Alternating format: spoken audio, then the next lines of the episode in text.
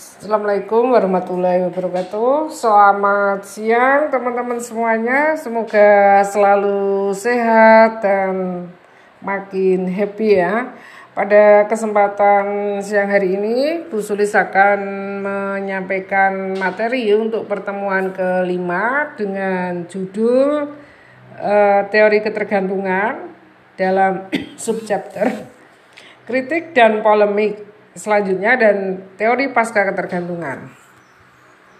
Oke, minggu lalu kita sudah belajar terkait dengan teori modernisasi dan teori ketergantungan awal ya. Untuk keyword sekali lagi Bu Sulis uh, reminder untuk selalu mengingat keyword atau kata kunci dari Teori modernisasi dan teori ketergantungan. Kalau teori modernisasi ini faktor kegagalan suatu negara itu disebabkan oleh faktor internal. Kemudian kalau eh, teori ketergantungan kegagalan suatu negara itu disebabkan oleh faktor eksternal. Nah, ini secara garis besarnya ya kegagalan dalam konteks ini dipahami terkait dengan eh, lebih ke arah faktor kemiskinan ya. Kemiskinan di suatu negara itu kalau teori modernisasi disebabkan oleh faktor internal, kalau teori ketergantungan pada faktor eksternal. Oke, dalam kesempatan kali ini uh, Bu Sulis akan review sebentar terkait materi yang lalu ya. Yang kemarin udah Bu Sulis sampaikan ya melalui Zoom ya. Setidaknya uh, apa namanya untuk pertemuan kemarin yang terkait dengan teori ketergantungan teman-teman semuanya sudah uh, bisa memahami ya mengapa model pembangunan tergantung itu ada. Nah, ini disebabkan oleh faktor investasi asing, kemudian pembangunan yang dibiayai oleh hutang, kemudian adanya perluasan pasar dan tenaga kerja serta adanya modal asing ya. Oke ini yang eh, kemarin kita diskusikan. Bagaimana upaya pemberantasan kemiskinan di negara sedang berkembang. Kalau menurut teori ketergantungan ini dari Arif Budiman. Caranya adalah mengubah struktur hubungan antara negara-negara maju. Dalam hal ini adalah negara-negara barat ya dan negara-negara miskin dari tidak sejajar menjadi sejajar. Ya, dari yang tidak equal menjadi equal. Oke, kemudian kalau dari Andre Gunderfang itu solusinya adalah segera memutus rantai ketergantungan dengan eh, apa namanya? memutus rantai ketergantungan dengan memutus hubungan ekonomi yang tidak fair, tidak adil. Sementara kalau dari Cardoso adalah caranya memperbaiki faktor internal di negara yang sedang berkembang. Dalam hal ini terkait dengan sistem ekonomi politik yang dianut suatu negara dan perilaku politik pemerintahan. Eh. Teori ketergantungan dari para pendahulu ini ada Raul Prebis yang menekankan bahwasannya negara-negara yang terbelakang atau miskin ini harus melakukan industrialisasi melalui industri substitusi impor. Kemudian kalau dari Paul Baran ini uh, dengan cara me, apa namanya dengan cara gagasannya yang terkait dengan kapitalisme di negara-negara pinggiran. Ini berbeda dengan perkembangan kapitalisme di negara-negara pusat. Nah, ini seperti itu ya. Terus kalau Andre Gunderfrank ini keterbelakangan itu merupakan sebuah proses ekonomi, politik, sosial yang terjadi sebagai akibat globalisasi dari sistem kapitalisme. Nah, solusinya adalah dengan revolusi yang melahirkan sistem sosialis. Kemudian dari Teonio dos Santos itu eh, caranya adalah melalui industrialisasi di negaranya sendiri mengingat adanya bentuk ketergantungan yang meliputi ketergantungan kolonial, ketergantungan finansial, dan ketergantungan industri. Oke, itu materi minggu lalu. Nah, sekarang kita akan lihat bagaimana kritik uh, terhadap uh, teori ketergantungan dari Pakenham, Chesdul, dan Cardoso. Nah, Kritik dari Pakenham ini pertama menekankan aspek internasional dari pembangunan nasional di negara-negara Amerika Latin. Kemudian yang kedua, teori ketergantungan itu mempersoalkan akibat dari politik luar negeri negara-negara industri terhadap negara-negara di negara-negara pinggiran. Nah, dalam hal ini adalah negara-negara Amerika Latin.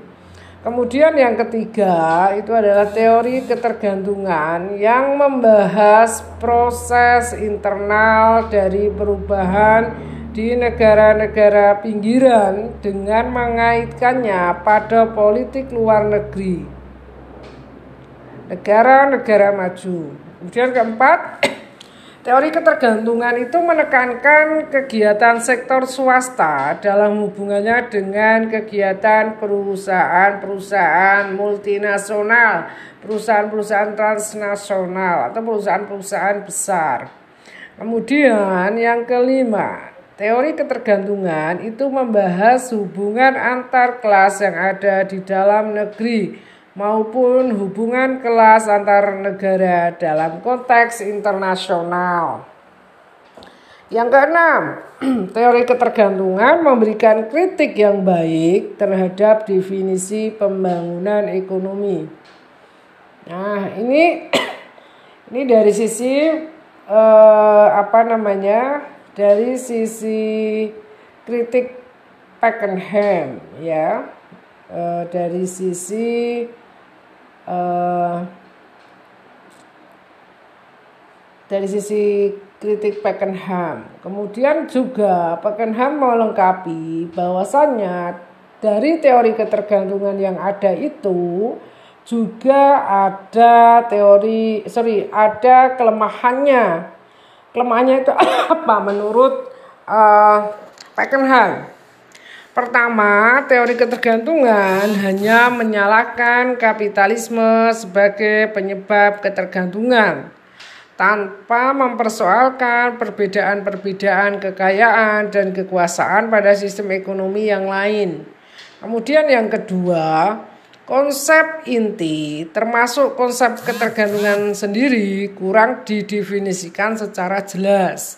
Kemudian yang ketiga, Ketergantungan didefinisikan sebagai konsep dikotomi.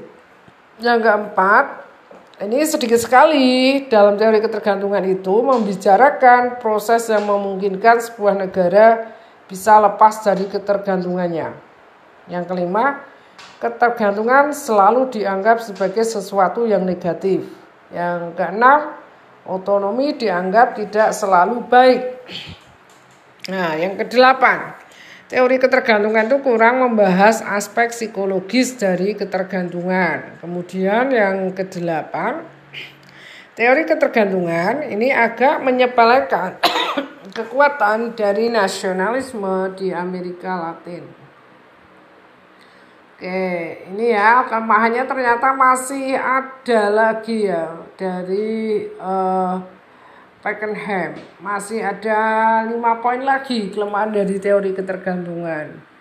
Nah, teori ketergantungan yang selanjutnya kelemahannya menurut Pakenham ini eh, sangat menekankan konsep kepentingan kelompok, kelas dan negara.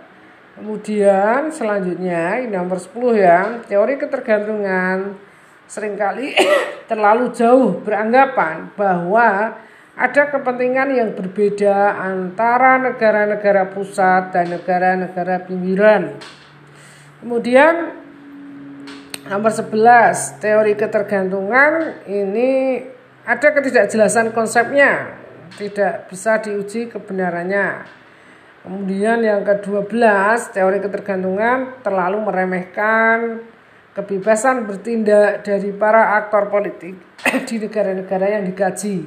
Dan terakhir, kelemahannya menurut Pakenham akibat Akibat dari ketergantungan kurang dikaji secara rinci dan tajam. Oke, ini uh, kritik yang lain dari Chesdun. Sisi positif, ya, sisi positif dari modal asing ini menurut Chesdun, ya, Pertama, modal asing itu langsung memproduksikan barang dan menimbulkan demand atau permintaan bagi bagi barang-barang lain yang diperlukan bagi produksi tersebut. Kemudian yang kedua, utang luar negeri itu membiayai pembangunan sarana-sarana yang dibutuhkan untuk pembangunan.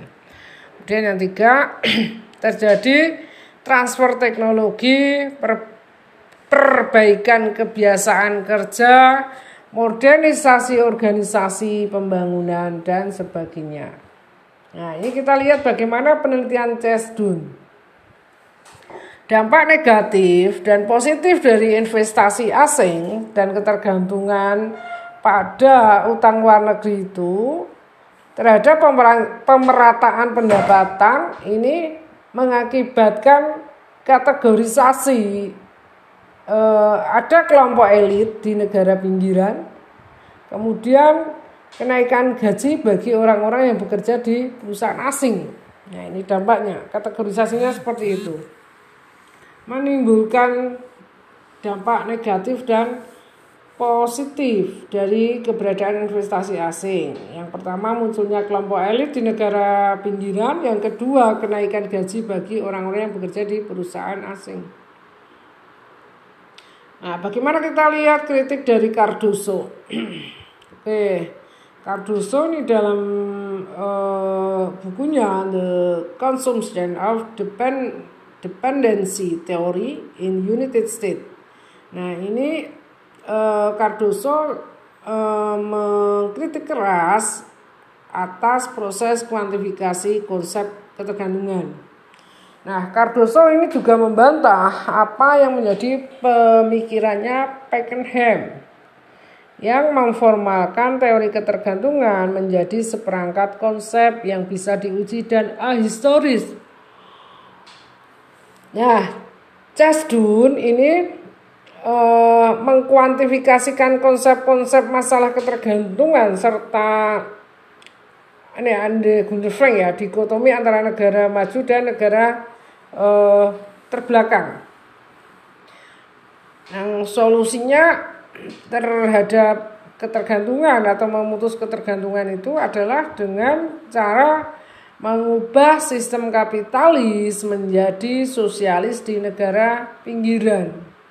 Nah ini Cardoso eh, apa namanya justru bersepakat dengan gagasannya Andre Gunnar Frank. Ya. Ini tentu eh, apa namanya berbeda ya. Jadi Cardoso itu mengkritik eh, gagasannya Pakenham, tapi Cardoso justru cenderung pada gagasannya eh, Andre Gunnar Frank. Ya, solusinya untuk memutus ketergantungan adalah ya memutus hubungan dengan negara maju dan mengubah sistem kapitalis menjadi sosialis di negara pinggiran. Oke, kita lihat teori pasca ketergantungan. Uh, Bu Sulis harapkan teman-teman semuanya sudah membaca bukunya Arif Budiman ya, karena buku itu uh, mudah dipahami ya. Kita melakukan pemetaan terhadap teori-teori ketergantungan ya secara jelas.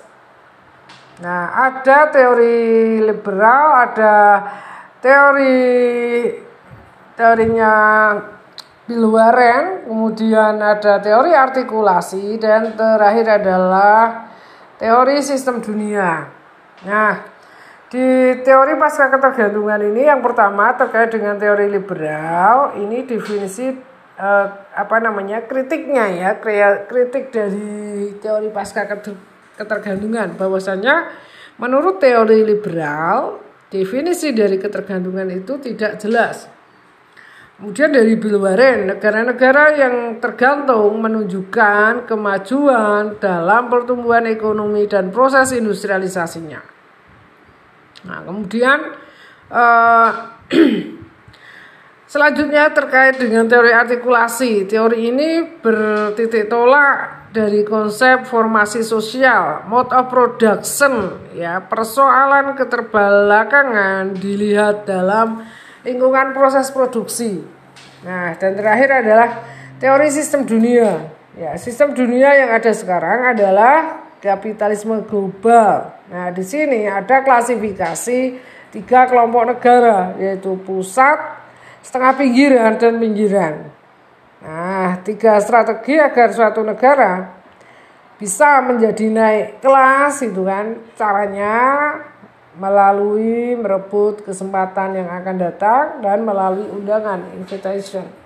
Nah, ini uh, review dari Bu Sulis terkait dengan kritik teori ketergantungan, ya, teori ketergantungan, ya, kritik dan polemiknya, ya setelah muncul teori ketergantungan yang di awal.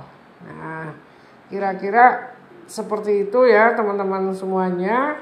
Uh, Bu harapkan e-book yang sudah Bu Sulis kirimkan mohon untuk bisa dibaca kemudian untuk tugas-tugas ya tugasnya dilakukan secara individu sesuai dengan kesepakatan di kelas adalah mereview tiga paling sedikit tiga jurnal. Ya paling sedikit tiga jurnal. Diharapkan mengambil tema-tema yang relevan dalam kajian sosiologi pembangunan. Salah satu kewajiban dari mahasiswa sosiologi adalah melakukan review jurnal dengan tema-tema kajian sosiologi pembangunan yang bisa diambil dari jurnal sosiologi reflektif. Nah, teman-teman nanti bisa cek, bisa akses ya. Ketik jurnal sosiologi reflektif. Kalian mau mereview artikel jurnal yang mana yang relevan dengan tema-tema pembangunan. Kalian bisa download di situ kemudian direview.